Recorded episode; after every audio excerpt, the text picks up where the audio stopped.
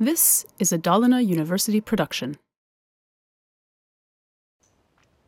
Welcome to Dalarna University's meeting portal. Here we'll find the meeting rooms that you will have your seminars in. The equipment you need, apart from a computer, are a headset and a webcam. On this page you'll also find manuals and a test you can do to see if your computer has the possibility to connect to a meeting room. The portal is divided into categories of rooms. The first tab shows meeting rooms which teachers book.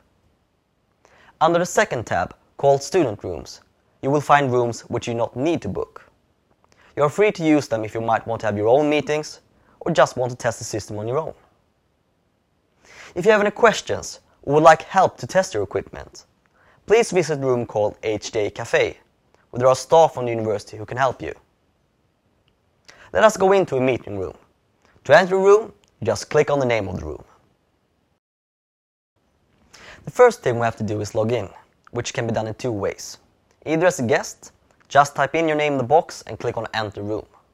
Or you can use the username and password that you receive from the university. By doing so, you will be able to access some additional features. When we've done that, just click on Enter Room. Now we are in the meeting room. On the top right, you will see the participants who have the camera turned on. Below, you will find a list of participants and a chat. Underneath, you will find notes, and here you can write notes to share with the other participants. In the large pod behind me, you can upload various documents. You can also share your screen, just as my colleague is doing right now. To be able to talk to the other participants, you need to activate your microphone. And this is done by clicking the button which looks like a microphone up here.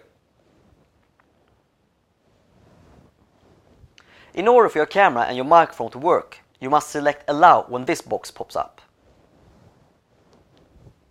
To start your camera, you click the button next to the microphone button, which looks like webcam. The next thing that happens is that you will see a preview of yourself. To share your picture, click Start Sharing. It's only after that that the other participants will see you. To turn off your microphone and your camera, click the same buttons as you activated them with. We wish you stimulating discussions during your time with Dalarna University. And if you have any questions at all, don't hesitate to contact us.